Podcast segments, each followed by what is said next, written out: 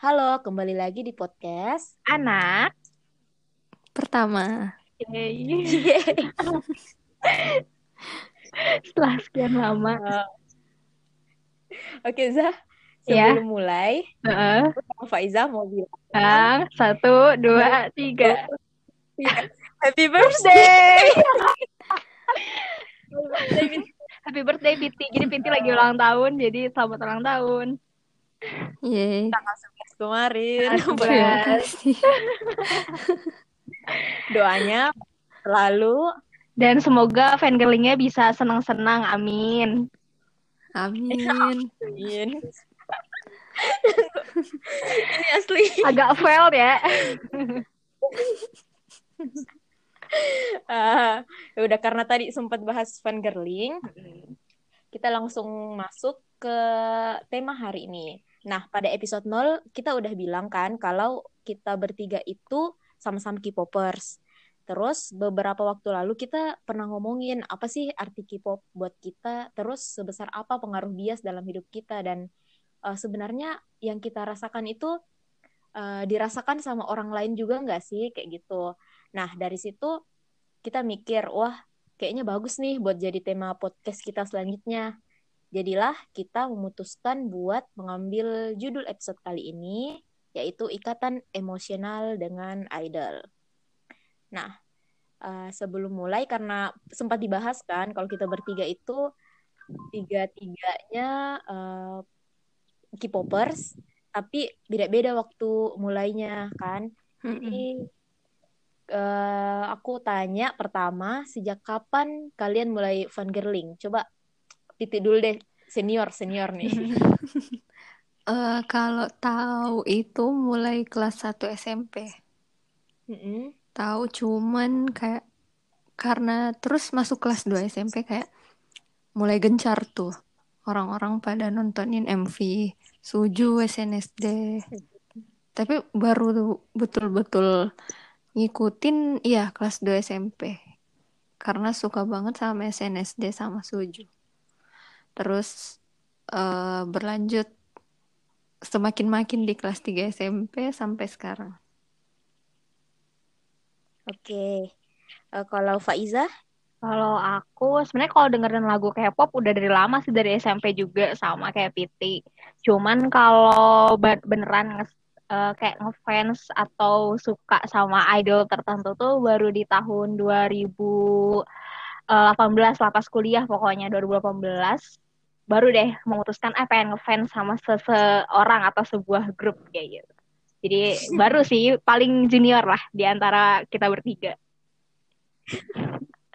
tapi emang sih kalau fangirling tuh emang ada waktunya masing-masing, ada timingnya masing-masing. Kalau aku sendiri mirip Pitik sih karena secara kita satu SMP, terus eh, waktu SMP emang lagi apa ya? Tetangga Lagi hot, kelas pula. iya, lagi hot-hot banget tentang idol eh K-pop, K-pop kan. Jadi kayaknya satu sekolahan dulu cewek-ceweknya pada jadi K-popers deh. Kayaknya siapa sih yang bukan K-popers dulu ada sih, tapi kayak sebagian kecil doang kayak gitu. Nah, terus waktu SMP aku bener-bener suka banget sama Shiny. Eh, belum sebut ya. Pokoknya suka sama Terus eh, sempat berhenti pas SMA mungkin karena sibuk banget dengan kegiatan waktu SMA dan les dan lain-lain. Terus baru lanjut lagi pas kuliah. Gitu. Nah, terus karena tadi aku udah singgung ben- sedikit tentang grup. Nah, siapa grup dan bias kalian? Mulai dari Faiza deh kali ini. Ya, eh, eh, grup satu-satunya grup yang pernah aku ikutin dan masih diikuti sampai sekarang itu B2B. B2B ya bukan BTOB. Jadi eh, B2B terus bias aku gitu dari 2018. Jadi sekarang aku udah jadi melodi ya fandomnya itu sekitar berapa ya berarti tiga tahun ya ya tiga tahun. Ya, Piti. Eh, kalau saya mulai suka SNSD kelas 2 SMP terus em, lebih tepatnya lebih sering mengikuti Yuna. Kalau Yuna kayak ultimate bias sekali. cinta ya tidak ter eh, tidak bisa tersingkirkan kayak udah punya tempat di hati gitu asik kalau sekarang sekarang lagi sama God Seven sih. Tapi mulainya baru Desember tahun kemarin. Jadi masih baru. Iya benar. pastikan sebagai Agassi sih.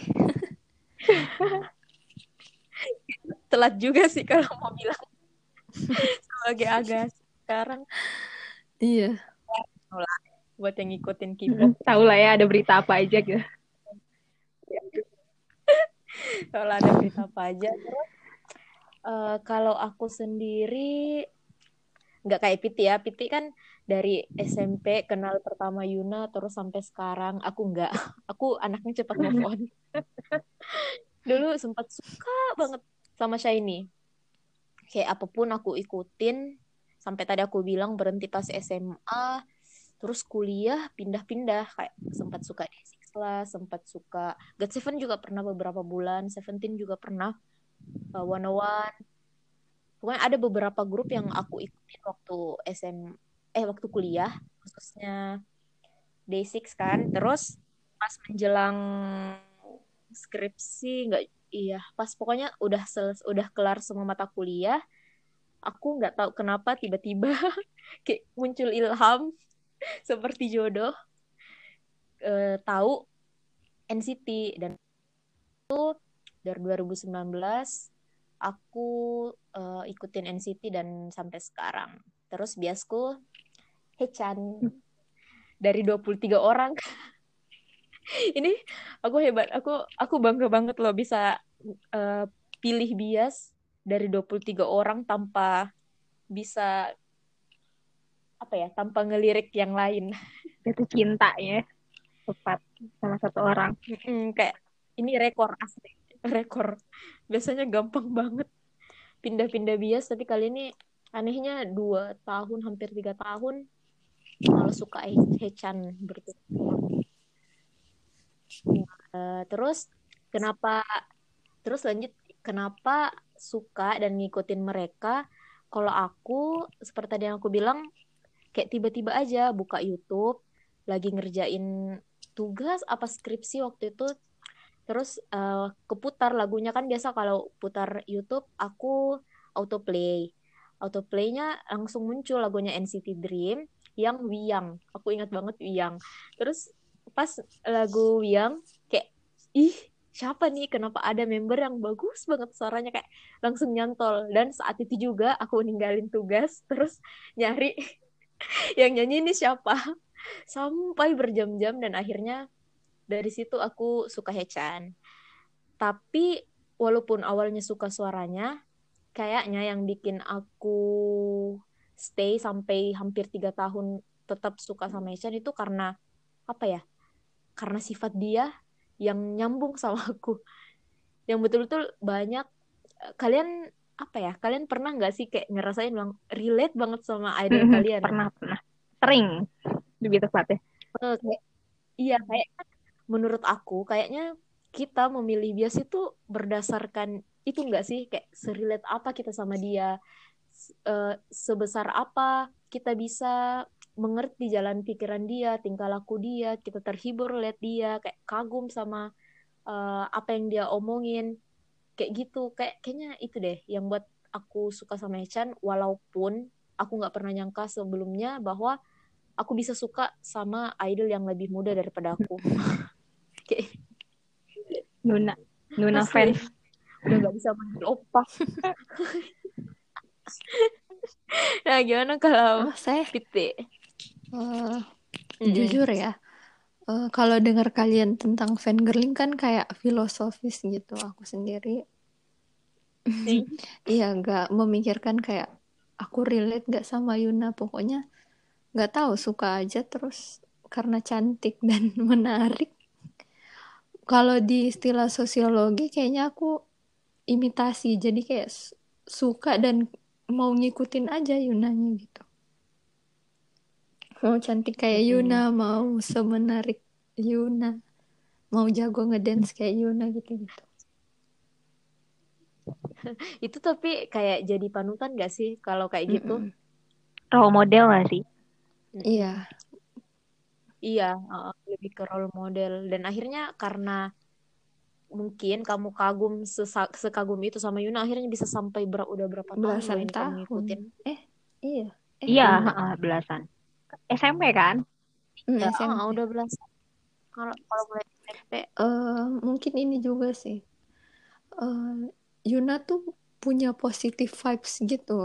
Terus Hmm. kayak hidupnya tuh kayak Mm-mm.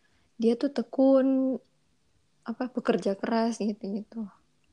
Agak berbanding terbalik ya dengan fansnya ini. Ya, seenggaknya kan menjadikan dia role model supaya bisa kayak gitu ya. Semoga. Iya, semoga. Itu aja sih pokoknya. Mungkin karena sifat aku juga yang kalau suka sesuatu suka banget. Terus eh, ketemu Hmm, jodohnya ya Yuna jadi seterusnya kelanjut gitu. Dan susah move on. Jadi nggak pindah-pindah dan Iya betul. Sama kuatnya. Oke, eh, sebelum kita galau, kita mau ke Faiza.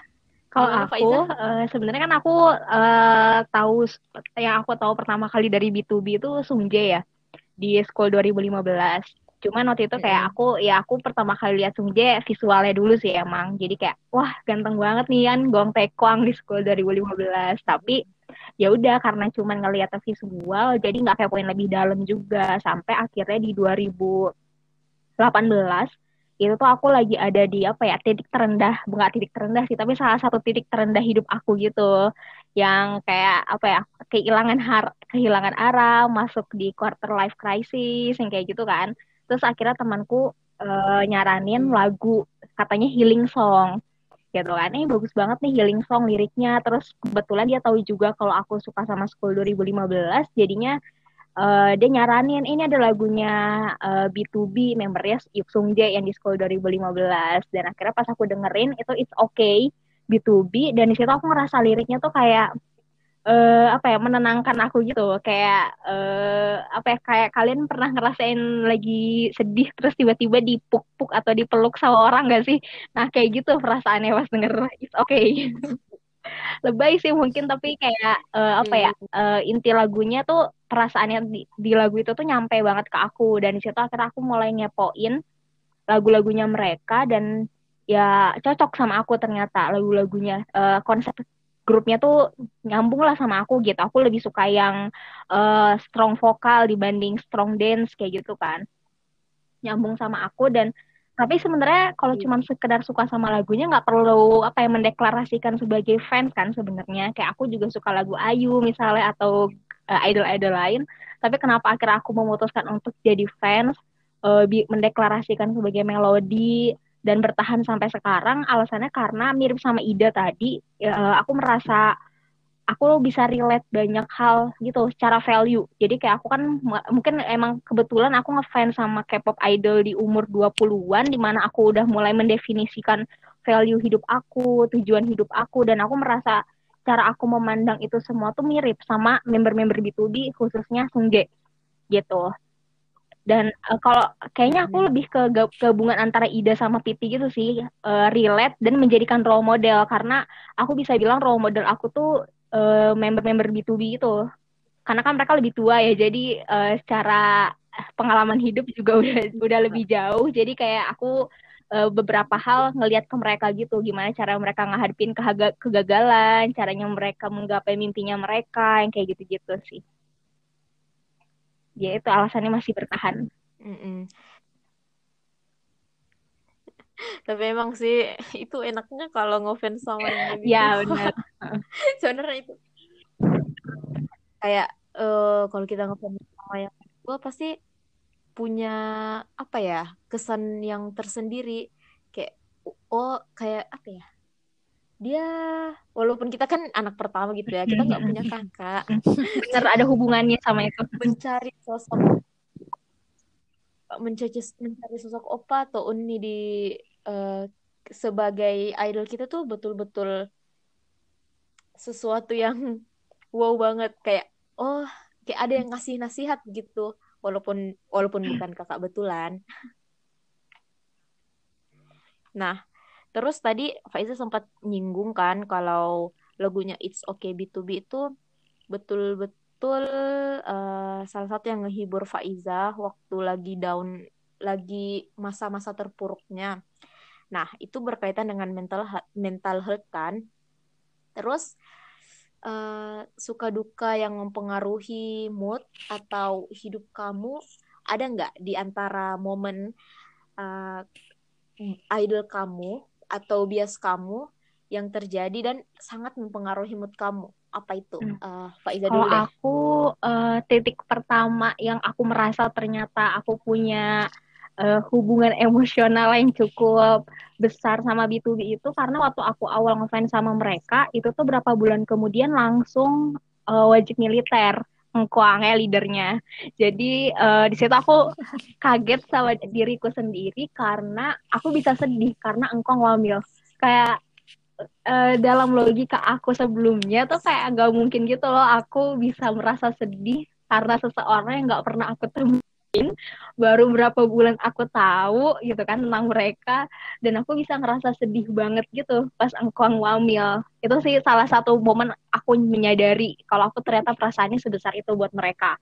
Dan uh, itu lumayan mempengaruhi mood aku juga kan. Maksudnya kayak ya kayak kalian kehilangan seseorang aja gitu walaupun sementara ya itu cukup mempengaruhi terus terutama juga pas uh, di belak di akhir-akhir karena Magne Sungje wamil juga yang aku beneran nangis malaman karena Sungjae wamil. Itu beneran aku kaget banget. Aku bisa senangis itu. Bahkan nggak cuman aku yang kaget teman-teman aku juga yang kenal aku selama ini kayak nggak nyangka gitu aku akan nangis cuman karena cowok uh, idol gitu kan boy band nangis gitu semalaman ya kan ya, ya. gak mungkin banget. Tapi itu kenyataan gitu. Aku beneran nangisin dia. Aku inget banget aku lihat pengumuman itu lagi buka puasa dan aku buka puasa sambil nangis nangis sampai paginya. Karena dia wamil gitu. Dan uh, apa? Tapi emang kalau mm -mm. terus nggak bakal ngerti perasaan. Non K-popers nggak bakal ngerti perasaan mm -mm. idol kita wamil. Gimana? Jadi mereka nggak kenapa kita nangis karena seseorang cuma pergi wamil Iya benar. 18 bulan. Dan kan uh, lingkunganku tuh beda ya sama Ida sama Piti di mana uh, lingkunganku tuh di kampusku yang teknik banget dan gak banyak gitu yang sebenarnya jadi K-pop stand. Beda sama Ida sama Piti kan maksudnya punya banyak temen dan circle yang ngerti lah ya soal K-popers dan aku tuh nggak punya. Jadi kayak makanya ber, terasa banget perbedaannya pas aku mulai masuk ke fandom mulai mendeklarasikan diri sebagai fans. Dan terakhir momen yang aku beneran sedih banget itu ya mungkin teman-teman yang ngikutin K-pop pasti tahu ya Jung Hoon kan. Uh, salah satu member B2B yang keluar terus ada skandal dan itu tuh lumayan apa ya kayak aku nggak nyangka aku akan sesedih itu ada member yang keluar. Kayak dulu aku ingat waktu SMA aku lihat teman-teman aku sedih pas Zayn Malik keluar dari One Direction tuh aku mikir gitu kayak emang sesedih itu ya kalau ada member yang keluar dan pas akhirnya kemarin tahun baru ini Yohun keluar tuh aku langsung kayak wah gila ternyata sedih banget gitu kan. Dan itu beneran yang aku kayak patah hati. Beneran aku nangis berhari-hari. Setiap kali ada berita setiap kali mukanya Ilhun di blur di media itu kayak wow kayak wah beneran nangis banget gitu kan dan itu kayak aku jadi kayak uh, punya momen tambahan patah hati gitu. Selain momen patah hati di hidup yang asli gitu. Uh, di real life. Walaupun Iya ada tambahan lagi di fangirling bebannya kan. Dan walaupun sebenarnya pas aku suka sama B2B juga kayak itu jadi kayak momen jatuh cinta yang kayak tadi kita sempat bahas di awal kayak aku berbunga-bunga, aku bahagia banget fangirling, hmm. aku bisa ketawa berjam-jam semalaman cuman karena nontonin video mereka misalnya, aku bisa tenang karena lagu-lagu mereka tapi ternyata ya emang ya layaknya jatuh cinta beneran sama orang di hidup kita uh, akan ada selalu momen bahagia dan juga sedih gitu di dalamnya ternyata. Mm -mm.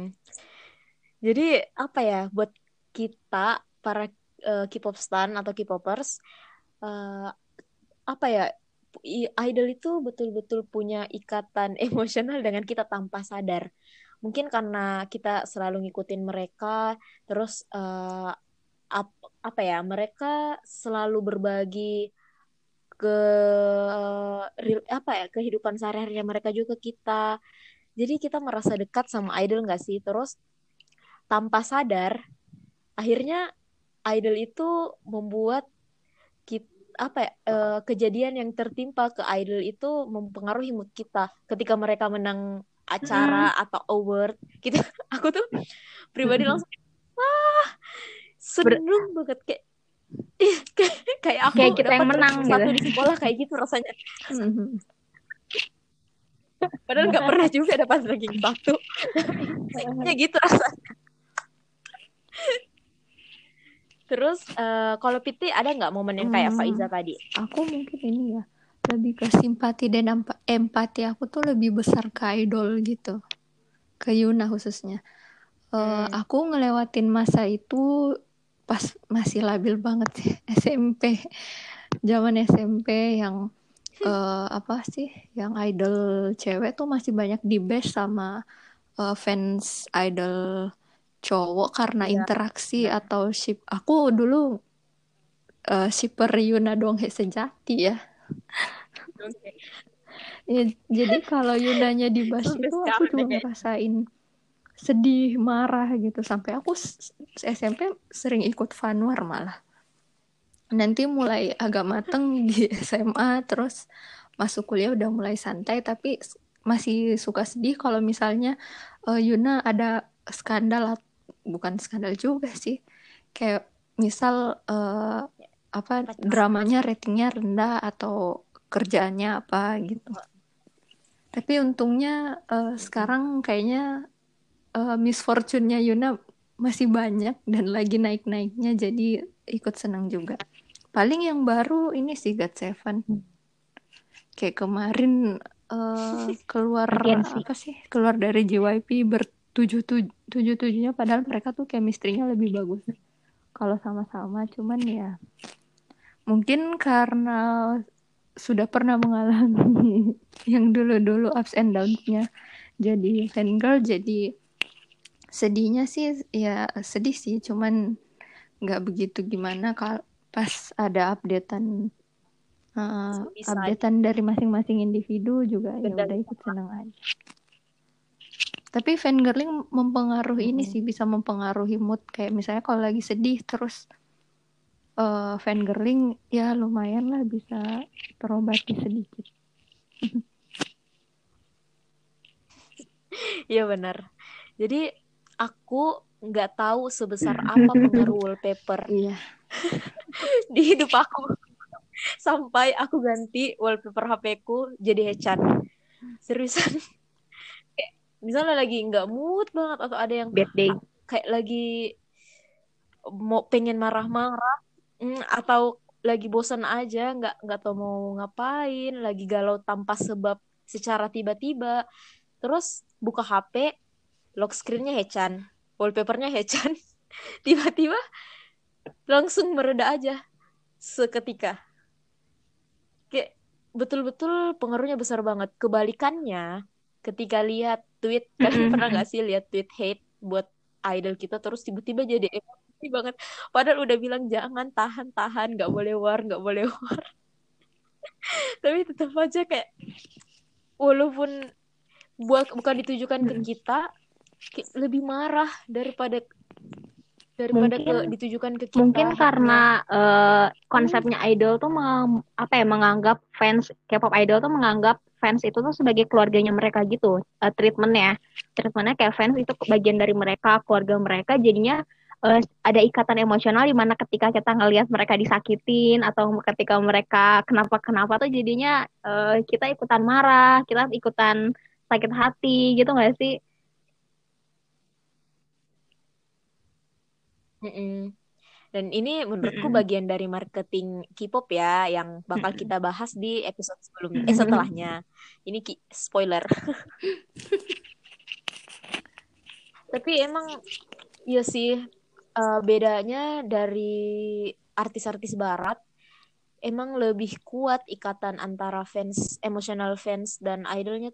Idol tuh kalau di K-pop kayak benar-benar berpengaruh Hmm. banget asli senangnya mereka sedihnya mereka kita ikut juga merasakan Mhm. seperti merasakan apa yang mereka rasakan gitu. Kadang aku ngerasa kayak ini kalau gak fangirling jadi apa Mhm. nanti? aku iya, kalau 2020 Bener. kita nggak ngefangirling aku walaupun aku kayaknya nggak bisa nggak bakal bisa nyelesain aku juga sih walaupun kayaknya. 2020 ditinggal sebenarnya 2020 Sebesar hiatus gitu kan semua member wamil tapi ya konten mereka dari 2012 sampai sekarang sangat menghibur sih untuk menghabiskan waktu di 2020 Hmm.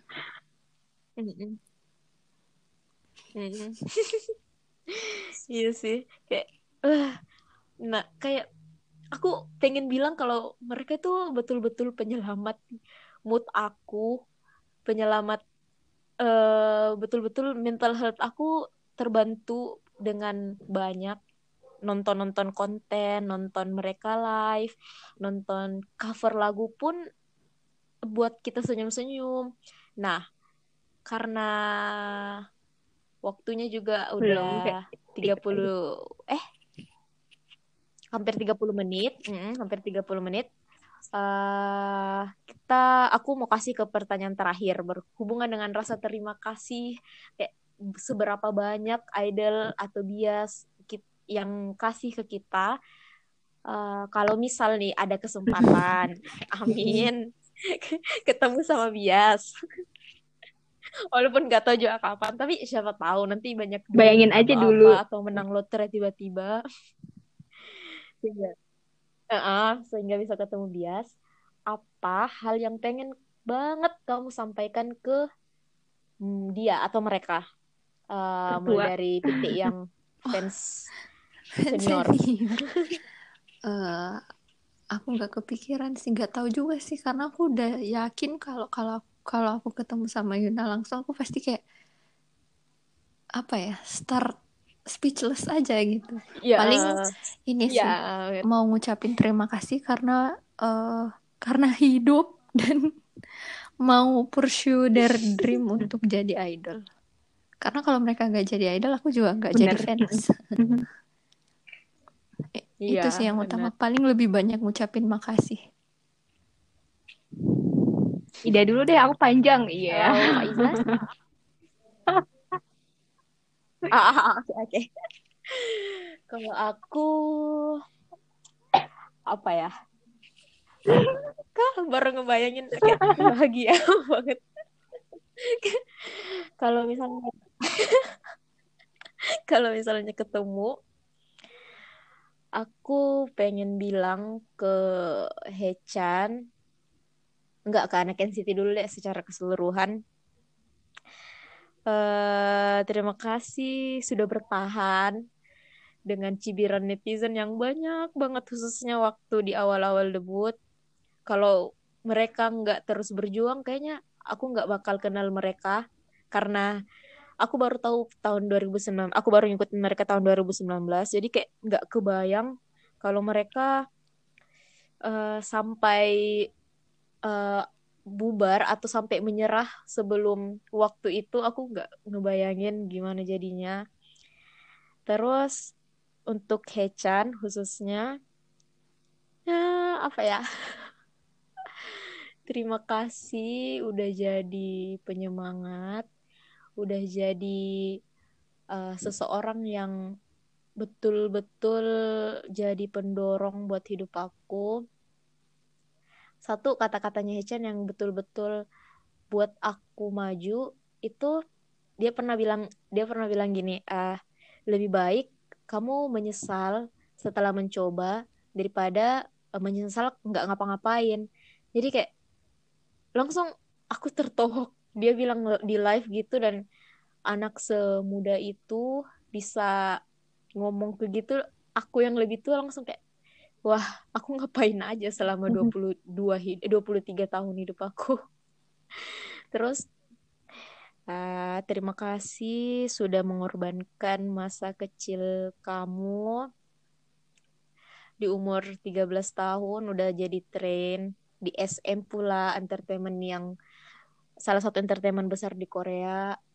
Uh, udah ngorbanin masa remaja kamu sampai memutuskan untuk berhenti sekolah. Kayak ya you've done a lot. Udah ber, udah bertahan di dua unit promosi di dua unit sekaligus. Udah ngeluarin album sebanyak itu di tahun kelima debut kamu. Pokoknya lah terima kasih karena udah hidup bisa bernafas yang sama sama kamu. Pokoknya tetap semangat tetap jadi penyanyi seperti yang penyanyi sampai tua sampai kakek-kakek. Pokoknya seperti yang kamu impikan. Pokoknya itu aja deh. Uh, lanjut ke Faiza. aduh. Uh, ya pertama mau bilang makasih karena sudah lahir. Oh itu makasih buat orang tuanya dulu. Makasih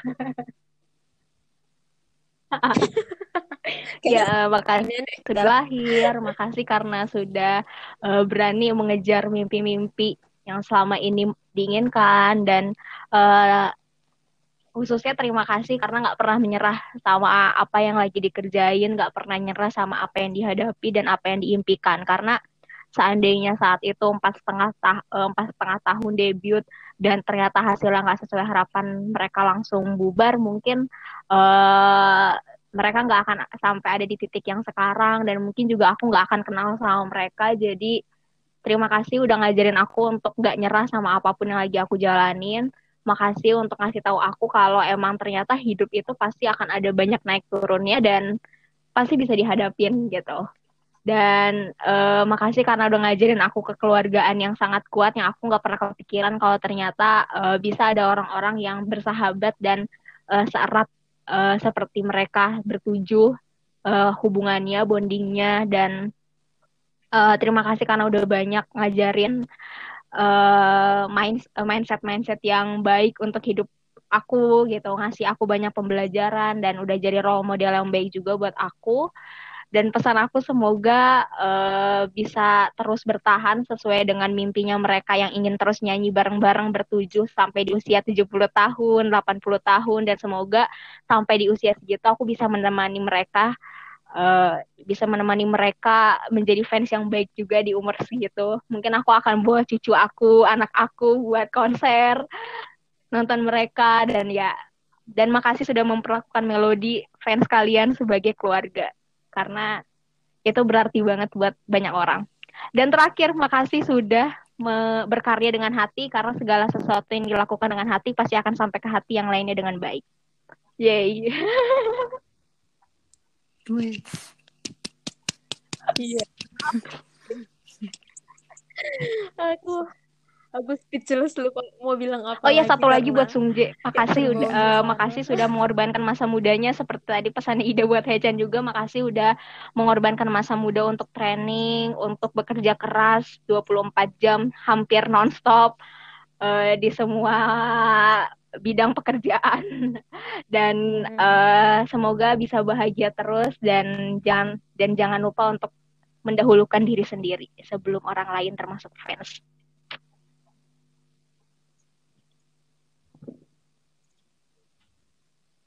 Iya. Jadi apa ya? Kayak bener-bener setelah uh, mendiskusikan tentang ikatan emosional idol hari ini, kayak bener-bener aku sadar betapa besar pengaruh idol buat hidup kita. Dan menurut aku itu normal tergantung dari uh, asal asal kita tahu diri ya kalau mereka itu manusia juga punya kehidupan masing-masing juga. Jadi buat fans-fans di luar sana terutama adik-adik yang masih umur remaja, bahkan sekarang K-popers ada yang anak-anak loh, ada ada yang masih SD. Kayak uh, idol kamu juga manusia, ingat uh, walaupun uh, kamu merasa dekat dengan dia tapi dia juga punya orang-orang tersayang terkasih di dekat dia jadi ini tuh kayak selalu ingetin diri sendiri aja sih. Walaupun kamu sesayang itu ya tahu kamu sesayang itu sama idol kamu tapi uh, ingat aja kalau ada jarak yang harus dijaga. Terus iya jangan toksik khususnya semua fandom-fandom di luar sana. Para si Jenny juga ya tolong. Jangan bikin malu-malu. Jangan malu-maluin fandom oh terakhir. Uh, oh ya apa ya? Aku mau bilang fangirling jangan jadi beban. soalnya walaupun kita sesayang apa pun iya, sama mereka kan? jangan jadikan itu beban untuk ngasih segala hal ke mereka. Iya.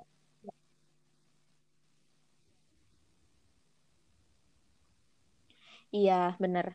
Jadi ah ini juga sih kayak uh, banyak yang jadiin fangirling itu beban. Kayak harus beli album uh, harus ngumpulin nah, fisik atau harus ke konser. Enggak itu atau harus aku bahkan belakangan ini lagi heboh-hebohnya ten uh, fans sesama fandom loh saling uh, berkela bertengkar war karena nggak vote. Gara-gara gitu doang nggak vote. Padahal itu kan eh, masing-masing orang menurut aku punya porsi tersendiri buat ngefan girling. Jadi jangan dijadiin beban dan walaupun seperti yang uh, tema kita hari ini ikatan emosional dengan idol uh, emang ikatan emosional dengan idol itu nggak salah tapi uh, ingat ingat aja kalau jangan sampai terlalu galau karena mereka ingat mereka ingat prioritas kamu itu tetap nomor satu keluarga dan kerjaan atau sekolah jangan sampai ada yang ninggalin sekolah online-nya demi ngefan girling gara-gara idolnya lain intinya fan girling itu asli ada ya. uh, ya intinya fan girling secukupnya dan uh, karena sekarang udah 30 menit lebih kita iya, pamit undur diri dulu. Sampai jumpa Dadah. Bye. di episode selanjutnya.